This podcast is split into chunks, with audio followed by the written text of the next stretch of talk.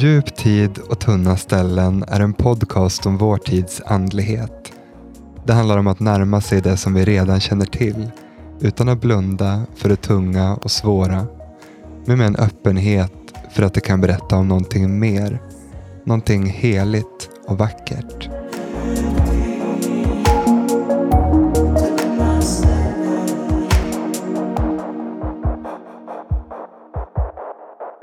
Med oss idag har vi Malin Rosén som är mindfulnesslärare, driver företaget Medvetet liv och aktuell med appen Du är här. Jag heter Aron Norrhava och är präst och meditationslärare och författare till boken Djup tid och tunna ställen utgiven av Verbum. Välkommen Malin! Tack Aria. Mindfulnessfröken brukar du kalla det för. Och du har precis lett en övning med hela teamet bakom podden här inne. Mm. Så att vi fick landa lite tillsammans. Vi ska ju prata om tiden och vad den gör med oss idag. Ja, Spännande. Och vi går ju tillbaka ganska långt i tiden du och jag. Mm. Känt varandra i många år. Ja. Och du är med i boken. Stor ära. Där berättar jag om en retreat som vi gjorde tillsammans ute i skärgården. Mm. Vi kanske kommer till den också. Vi får se lite vad som händer. Men i förra avsnittet av podden så pratade vi om tunna ställen. Mm. Den första metaforen i bokens titel. Och du har också läst boken. Mm. Hur landade begreppet i dig? Tunna ställen? Ja. Men jag tänker att det det som jag känner som, det vill jag säga att jag tycker att din bok är så fin, Are. Den är verkligen, mm. jag blev väldigt berörd av den. Jag läser ju så mycket sånt där. Fast ofta från en buddhistisk kontext, som det jag kommer ifrån. Så det var så fint att få den här, det andra språket. liksom. Och så var det roligt, för jag känner ju dig, vi är ju vänner. Liksom. Men jag glömde bort att det var du som skrev, att jag blev så här uppslukad. Men det jag tror som berör mig med de där tunna ställena och som jag känner att att jag tänker att det är kanske mycket den praktiken vi har gemensamt. Alltså att se i livet när, om man ska använda dina ord, när det lyser igenom. Liksom, när det gudomliga på något sätt har plats. Jag skriver i boken om elders, mm. kommer du ihåg det? Mm. Eh, om just sådana här personer som påminner en och hjälper en dit. Till mm. djupet och perspektiven. Och eh, den här mannen då som var också mycket äldre, en mm. riktig elder, kom ihåg att jag hade uppdrag att guida honom i Stockholm. Och eh, någonstans i det uppdraget så zoomade jag ut och fick syn på ett så vackert träd. och kom på mig själv liksom med att ha dragit iväg lite. Och han bara, nej, nej, berätta, vad såg du? Mm. Och bara att få den frågan, det är någonting så oeffektivt. Man är inte på sin framsida när man förundras nej. över tillvaron. Men då sa han så här, nej, det där är någonting jätteviktigt i oss människor. Alltså vår förmåga till förundran. Mm. Och att en person som är äldre, som har levat länge, kan liksom plocka upp det där och förstärka det. Mm. tänker jag är så betydelsefullt. Tänker jag är en elder som kan liksom upprätta djupet mm. i tillvaron.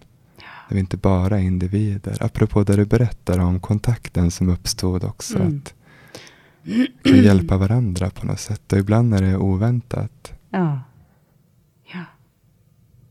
Så är det. och som du nämnde så, du, du har ju stått i en buddhistisk tradition. Mm. Eh, och har mycket erfarenhet från buddhistiska sammanhang. Mm. När vi pratar om elders, sådana mm. här personer som påminner en och som håller djupdimensionen. Mm. Kommer det några personer till ditt sinne då? Dyker det upp några ansikten? Ja, det gör det. Fast jag, jag tänker också att elders, det behöver ju inte ha med ålder att göra. Och ibland tänker jag att, att det inte har med personen heller att göra, alltid. Utan det är närvaron som skapar den där och den kan ju uppstå på massa olika sätt. Men visst finns det personer och, de, och men det jag tänker, de som kanske har betytt allra mest för mig, det är såna här människor som jag inte har träffat heller, utan lärare som jag har lyssnat mycket på, och läst och, och så haft otroligt så starka band till utan att ens få möta dem. Att man bara får möta deras undervisning eller visdom sådär. Um, men sen är det också, jag tänker du skriver mycket om vänskap i boken och det är ju oerhört centralt i jag vet inte, jag tycker att det är svårt. Alltså visst, jag har ju träffat, jag har haft såna fantastiska möten med riktiga gurus. Alltså här, jag har träffat människor som har suttit i en grotta i 30 år. Liksom. Och det har ju varit omvälvande och så här, ganska radikala andliga upplevelser. Men samtidigt så, så betyder de personerna inte så mycket för mig. Du kan tänka nu vilka ansikten du dyker upp. Och liksom de här nära vännerna som visar vägen på något sätt i, ja, men i vardagen och så. Mm, jag vet inte, tidigare så, så var jag nog mer ja, vad ska man säga, lite guruorienterad. Jag tycker ju om det också jättemycket. Men nu när du ställer frågan så känns det mer som det där, ja, in the long run så är det nog vännerna som betyder mest. Alltså de som praktiserar gemensamt. Som man ja, kämpar på med i vardagen. Min man, mina barn. Mm. Så, ja. Det som vi kallar för vardagen. ja, precis. Mm. Och det, alltså, ja, det är jättespännande. För jag tänker dina tunna ställen. Mm. Det tänker jag, om vi ska försöka formulera ihop våra, våra olika vägar. Så handlar det om att låta livet vara så tunt som möjligt. Mm. Så. Att inte dela upp det mellan, här är det andliga och här är det världsliga. Liksom. När vi pratar om eh, människor som vi har mött som eh, har eh, påmint oss eller hjälpt oss till djupdimensionen i mm. våra liv. Då vet jag att både du och jag har mött människor i våra traditioner och i andra mm. som har gjort det med oss. Mm. Jag minns så starkt en bok som du var med och skapade om en munk. Vet ja. du vad jag tänker på då? Ja, just det. Vill du berätta vem han var? Det vill jag gärna göra. Eh, det är en bok som jag och min dåvarande livskamrat Joakim Eneroth, som är fotograf, vi gjorde den tillsammans. Boken heter Testimony. Och eh, är en, eh, en fotoreportage med djupintervjutext om en, eh, ja, en tibetansk munk. Pallen Gyatso heter han.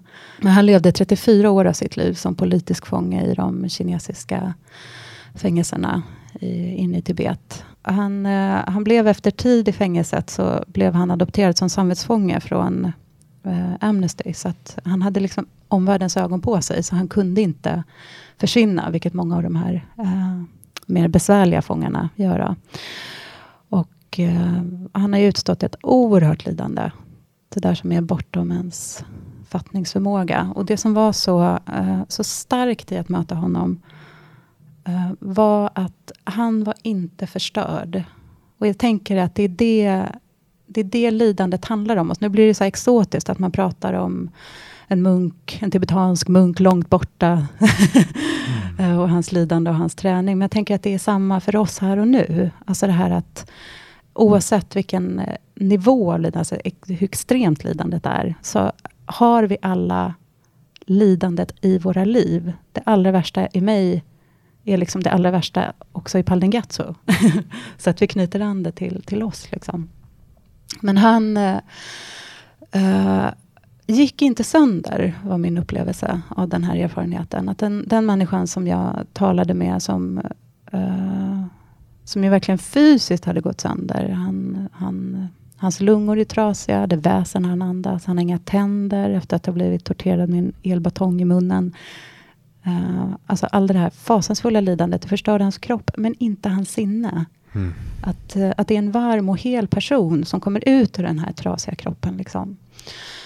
Um, ja, så jag tänker att, att han gestaltar för mig uh, den mänskliga potentialen. Alltså det här att, att det går att leva i det här livet, hur smärtsamt det än är. Och att ändå liksom hålla sig i, i medkänslan, i kärleken, i det större. När jag läste den här boken och bilderna sitter kvar mig för det är en väldigt stark berättelse. En oerhörd kaliber av lidande. Så vad som händer med också att jag skickas tillbaka till att faktiskt tänka på Jesus i det här. Ja. Och att det öppnar upp mina ögon för vad det är som händer. Ja. I hans liv också ett smärtfyllt liv. Och visst är det så Malin att det är så lätt att vi flyr från vår smärta. Man vill så gärna, också andlighet kan ju vara ett sätt att fly. Eller vilka distraktioner vi nu pysslar med.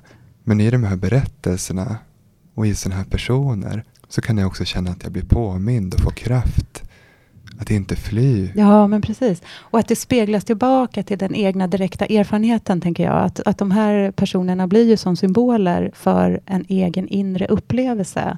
Och klarar jag av att stå i den här smärtan? Jag mm. kanske inte är torterad i ett kinesiskt fängelse, men jag, jag står mitt i den här liksom, alla vinterkläderna ska på, det är bråttom, barnen skriker, det gör ont i hela kroppen för att jag inte har sovit. Så här, kan jag stå här och det tänker jag är återigen, alltså, kanske det här bilden av de, tiden och de tunna platserna. Uh, när vi i den här ögonblickssituationen av smärta lyckas sjunka ner i den direkta upplevelsen, inte följa med vår historia, vår berättelse om ja, vad det nu är, självhatet eller hur bråttom det är eller hur viktigt det är att komma i tid till bussen. Och liksom bottna i att ja, det gör ont just nu livet är mer än så. Alltså det är en sak att lära känna en tradition i dess djupdimension eller de yttre formerna. Mm. Formerna kan ju få en sån kraft när vi liksom hittar in djupvägen. Ja, Minns du hur vi träffades första gången? Ja, mycket ja. väl. Berätta. Ska jag berätta Vad hände? det? Ja. ja, men vi, vi var på, på en fest hos en gemensam vän. Och det var mycket sådana här Uh, många som var där var liksom så här rockstjärnor och skådisar, eller så här, som håller på med sådana ganska extroverta saker. och jag brukar alltid, jag kan bli så... Ja, men det är ju jättehärligt, men jag blir alltid lite nervös, eller så obekväm, för att det, det är så långt ifrån mitt uh, uh, sätt att vara.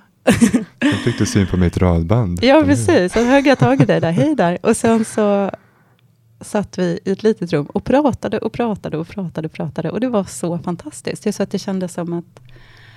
Uh, ja, lite som att möta en själsfrände. Och det har jag tänkt, jag visste det. När jag gick därifrån en kväll så tänkte jag, men vad roligt, den här människan kommer jag känna hela livet. Att det var som en så här, ja men vad bra, där var du. så kändes det. Ja, men som ett ständigt pågående samtal också som vi har ja. fört kändes. Just ja. om djupet i tillvaron. Ja. Och att peppa och påminna varandra i att inte tappa kontakten, tänker ja. jag. Och, och nu tänker jag också, nu när vi har pratat om så här, eh, mer exotiska saker, så mm. munkar och djup och sånt. Mm. För det tänker jag också är bland det roligaste i vårt samtal. Det är att vi också kan vara så mycket i det här för jag tänker så mycket av övandet handlar ju om att vi tappar kontakten hela tiden. Mm.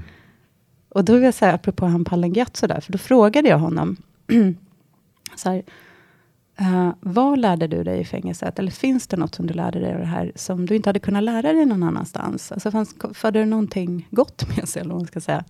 Och då, då blir så idén att det ska komma något så här storslaget. Lite så här, ja, jag lärde mig om... så han tänkte lite så, så han så här, nej men jag lärde mig om förnöjsamhet. Så där, Att det är så sa han så här att en människa kan ha precis allting, men förstår hon inte att uppskatta det, så betyder det ingenting. Och att det blev tydligt för honom, det där att mm. verkligen inte ha någonting. Han sa det när jag, nu bara varje gång jag kan laga mat, så tänker jag på alla mina medfångar som inte kan laga mat. Alltså sådär, den där. Och det tänker jag att, att det är en fara. Nu hamnade vi där i långa retriter och och exotiska ideal. Men jag tänker att det är också det som jag är mest intresserad av i samtalet. Det är hur vi håller på med den här liksom vardagen, som ju inte det är små ögonblick som man får gå i den där tunna tillvaron. Vi gillar ju livet du och jag och det vardagen, eller hur? Mm. Och är båda lite känsliga för andlig posing också, kan man kalla det för det? När det blir liksom framsidan och attributen ja, som blir centralt. Ja. Det handlar ju om livet, om ja. kontakt, eller hur? Och där kan jag känna att retreater, att få ta sig tid till att fylla på mm. och hitta tillbaks till en kontakt, mm. skicka mig tillbaka in i vardagen. Där behöver vi varandra. Men ibland också få träffa personer som som bär mm. djupet. Ibland gör vi det för varandra. Ja. Men det finns ju såklart lärare tror jag för oss båda två som vi aldrig kommer att glömma. Mm. För att de har pekat oss in mot det centrala igen. Det är så lätt att hamna där uppe i mm. någonting annat. Ja, och jag tänker att för det där med andlig posing, att det är så... alltså dels är det ju... Det är ju fint att säga att vi är känsliga. Jag skulle säga att jag är allergisk. för att... Uh, att det, det, är någonting... Som är, för mig är det, det är liksom plågsamt när det inte är kontakt. Och man ändå liksom upprätthåller formerna. Och det, jag tänker att det, det, är viktigt att se det med en vänlig blick, för det är ofta det som händer. Uh, I alla fall någon gång under ens andliga, andliga resa, speciellt i början, så, så blir det former av det hela. Och man försöker hitta en identitet och ju vilsnare man är, desto tokigare blir det. Liksom. Och det, det är ju helt okej. Okay. det kanske mm. behöver vara så. Men när former stelnar och strukturer låser sig och det finns en vad ska man säga, någon sorts, att det utvecklas en kultur där vi alla springer runt och är lite heliga. Och i, alltså, det jag kommer alltså det här att känna att, att man är en duktig buddhist och så här. Jag menar, det är den plågsammaste tiden i mitt liv när jag hade rätt. Vad ska man säga? Ja, men när, man, när man griper och identifierar sig så starkt med formen så att det förlorar innehållet och mm. ja, men djupet och ljuset. Liksom. Ja, men det är en del av den andliga vägen, men det är så smärtsamt när det, när det stelnar. Mm. Och när det också kanske dessutom undervisas och förs vidare som att så här är det. Liksom. Med skam och pekpinnar och oj, oj, oj. Ja, här, det här var känsligt. Jag tror att det är en fara som finns i alla grupper av människor mm. Som har en intention.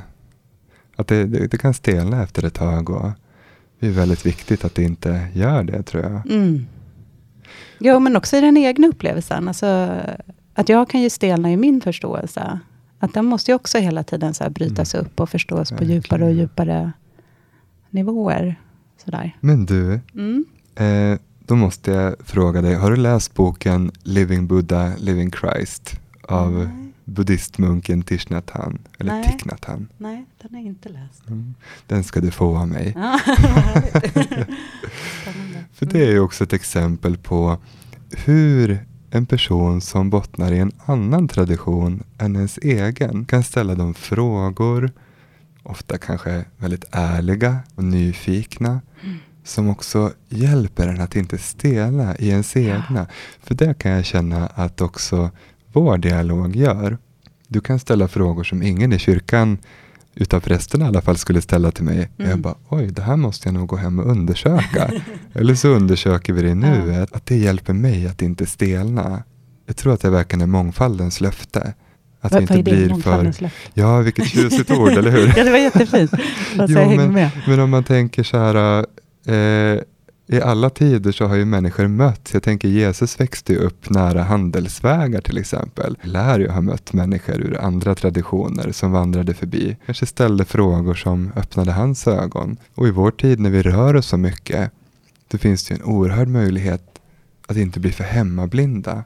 Och att eh, ständigt behöva liksom ställa sig själv frågor kring vad som är viktigt, vad som är på riktigt. Så att vi inte hamnar där uppe i bara form och yta. Form har betydelse tror jag, men den behöver hela tiden också genomlysas. Ja, och det är jättepåtagligt. Jag, tänker, jag jobbar ju med alltså människor, människor som kommer till mig kommer ofta i en eller annan typ av kris eller svårigheter. Eller en situation i livet som är utmanande. Sådär, där man inte kan flyta på i sin form längre. Formen har liksom gått sönder.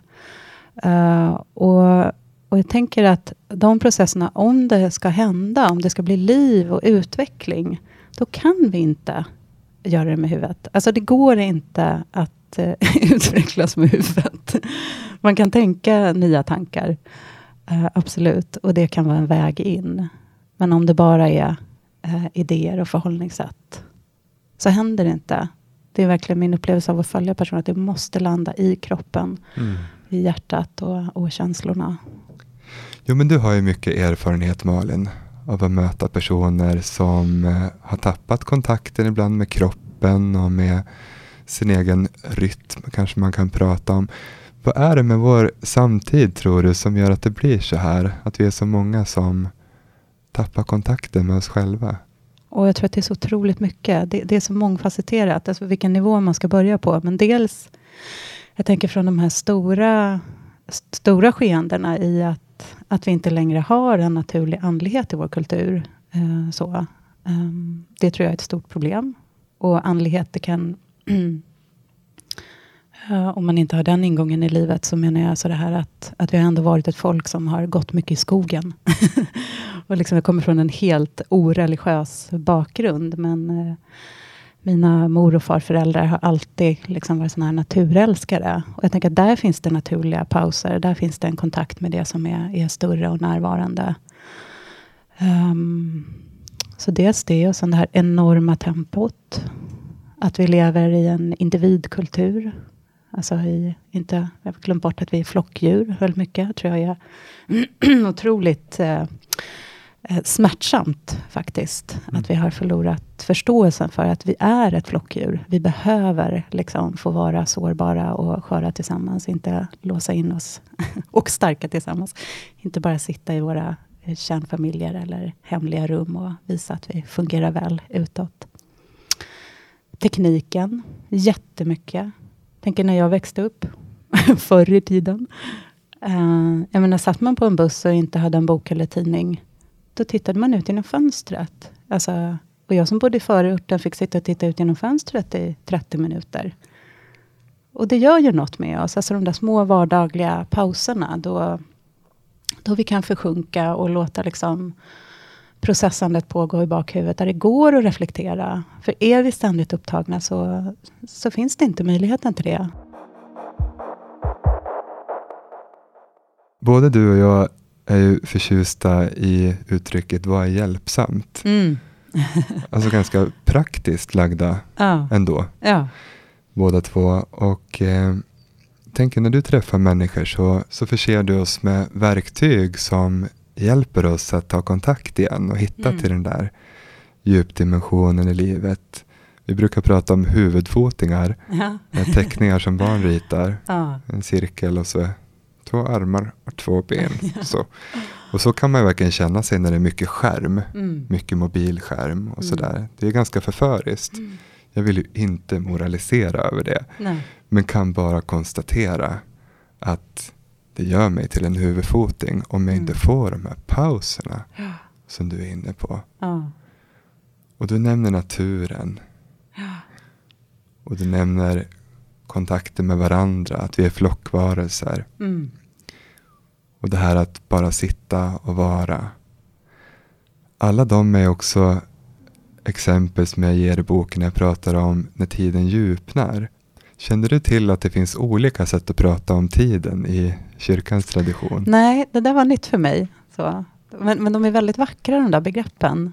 Eller orden. Jag, jag fastnar ju för Alex Schulman ja. och Sigge Eklund som skriver i sin bok om tid. Ja, just det. Tiden är inte kronologisk, skriver de.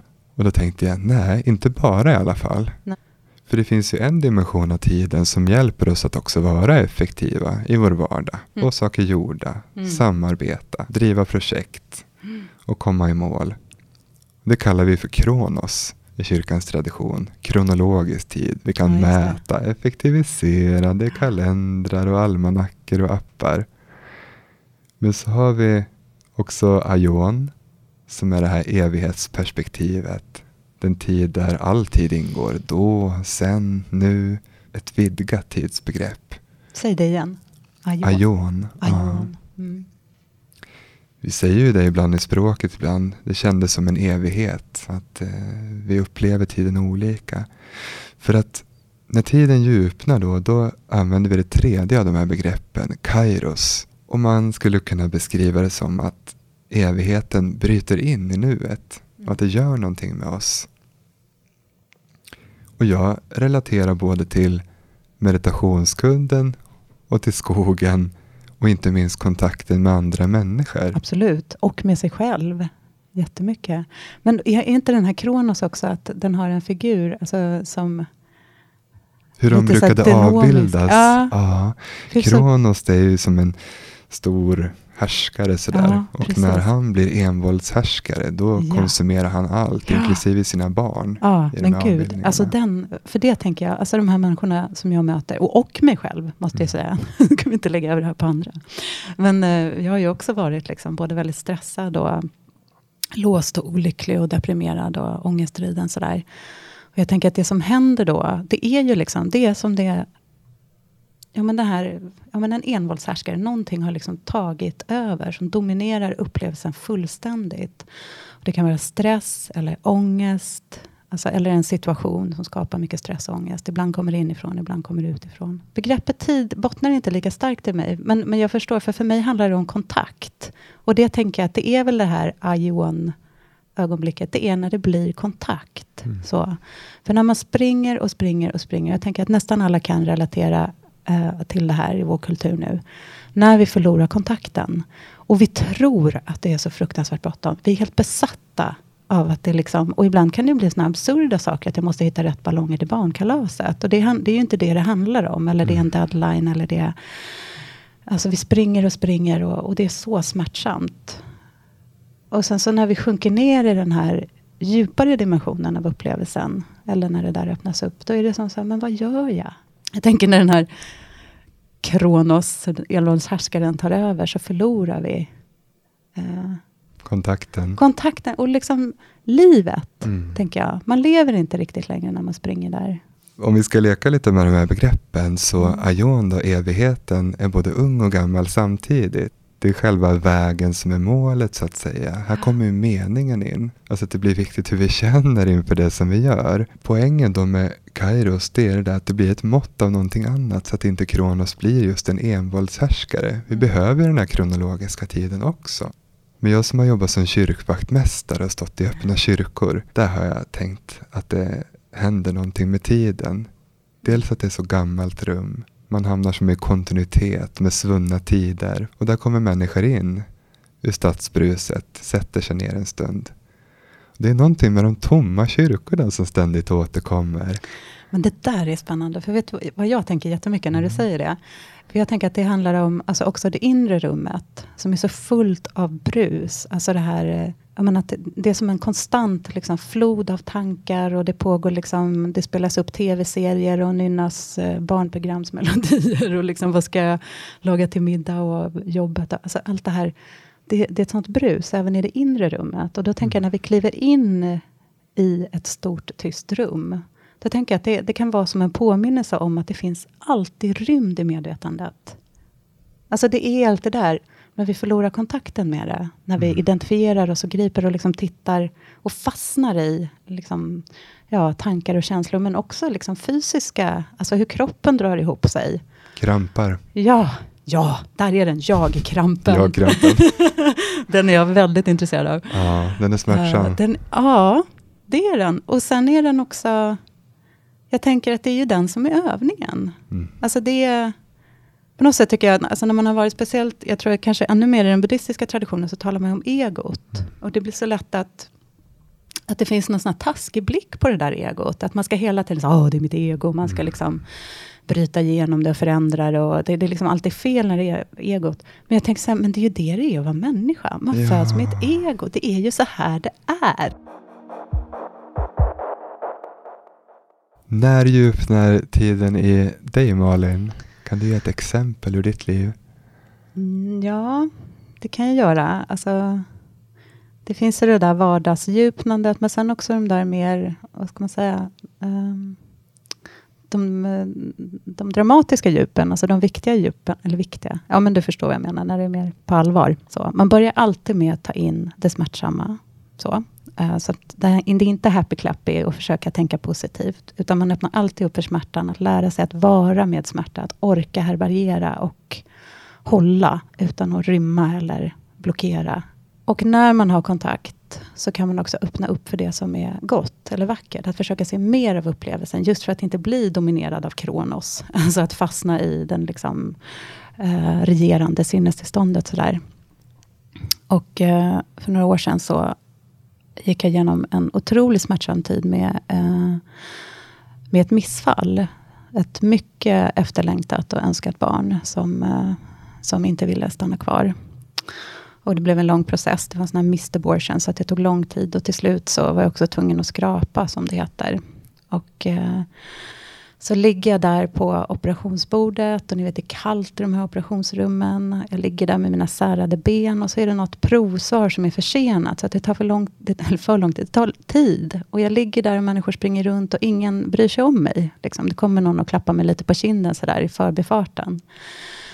Och jag känner hur jag ligger där och bara sjunker i den här, så här rädslan, uppgivenheten, sorgen och kylan och, och vara sådär eh, blottad liksom, rent fysiskt också. Och så är det en liten mindfulnessfröken som pratar på långt, långt bak i medvetandet. Sådär.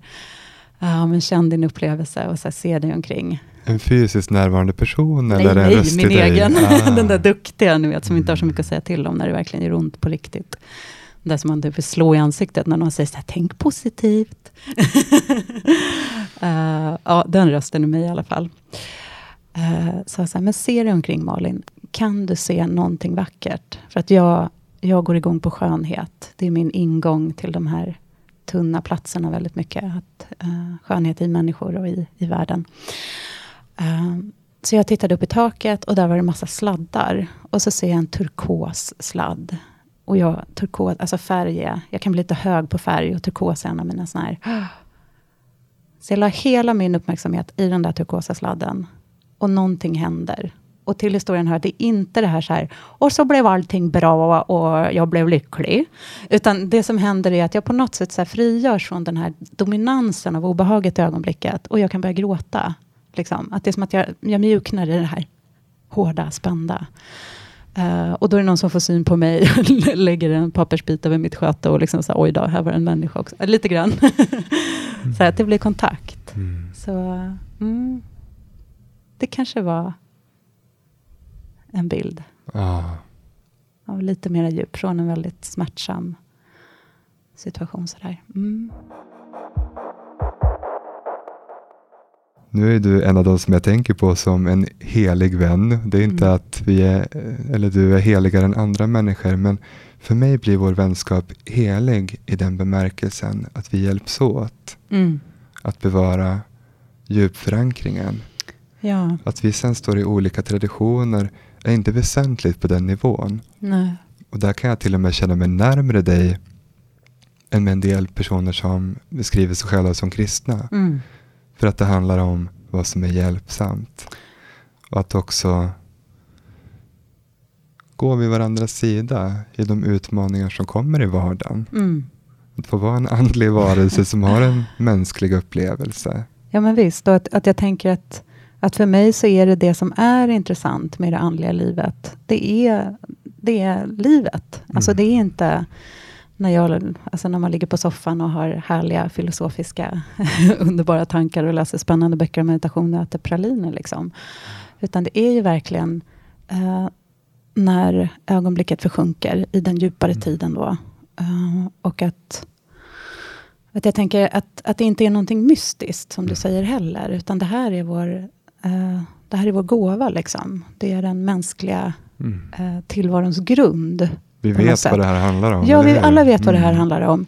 Men så vet vi också, eller vet, men, men det jag tänker händer är att när vi förlorar kontakten, och jag tänker också att, för när vi, när vi är i den där kontakten, då är vi så djupt inne i oss själva, och då är vi sårbara. Mm. Där ligger all smärta som som har ärvts ner genom generationer, som inte har bearbetat, och det jag har erfarit i mitt liv och inte klarat av att ta hand om.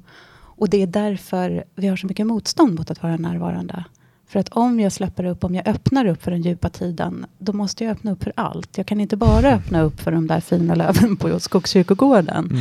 Det är därför jag tänker, Uh, att kan, för mig kan det finnas en frustration i den här bilden av liksom mindfulness som någonting liksom, nu blir det harmoni och så här. Alltså jag menar på att det här är rock'n'roll. Mm. Det är jätteobehagligt för de allra flesta att bli mer medvetna. Mm. Det handlar inte alls om liksom doftljus och... Och vi håller ju på med meditation och kontemplation för att vi behöver det, eller hur? Ja, ja men gud. Inte för att vi är eh, på något sätt mer harmoniska än andra. Men jag tänker Malin att någonting som är så hjälpsamt för många, mm. det är din app. Du har ja. gjort en app just som eller hur? Vill hjälpa oss att få kontakt i vardagen. Mm. med medkänsla, med närvaro. Vill du säga någonting mer om den och vad heter den? Ja, den heter eh, Mindfulness och medkänsla. Du är här. Du är här. Du är här. Men först heter det mindfulness och medkänsla och så måste man sätta in ett sånt där och-tecken. Annars hittar man den inte. Så om jag söker i App Store då, vad ska ja, jag skriva? Då ska jag skriva mindfulness och medkänsla. Du är här.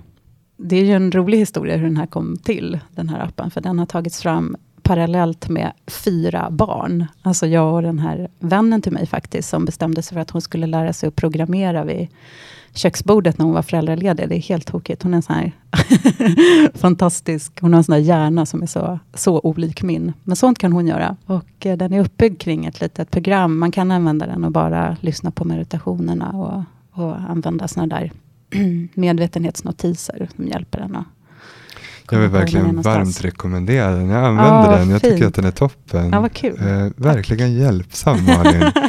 och ja, hjälper mig att leva i ett både och och hålla den spänningen mellan contraction och release, jag-kramp och kontakt. Det är fint att det finns tekniker och språk som vi kan ta hjälp av. Nu börjar tiden rinna ut för oss och eh, jag som gillar Oprah Winfrey vill gärna ja. köra tre snabba. Är ja, du redo? Jag är redo. Du får svara med bilder. Vänskap. Kontakt. Bön. Meditation. Gud. Det blev tyst. Vet ni, det säger man i den buddhistiska ah. traditionen. Så den kraftfullaste undervisningen, the lions roar, det är när buddhan svara med tystnad. Tack Budden för det och tack Malin för att du var med. och ja, men inte för att jag vill avfärda Gud, det är bara för att det där mysteriet, jag relaterar verkligen till en, eh, till en gudomlig verklighet. Absolut, men jag, jag kommer inte in i begreppet liksom. Men, eh, men det är vackert. Mm. Mm. Tack.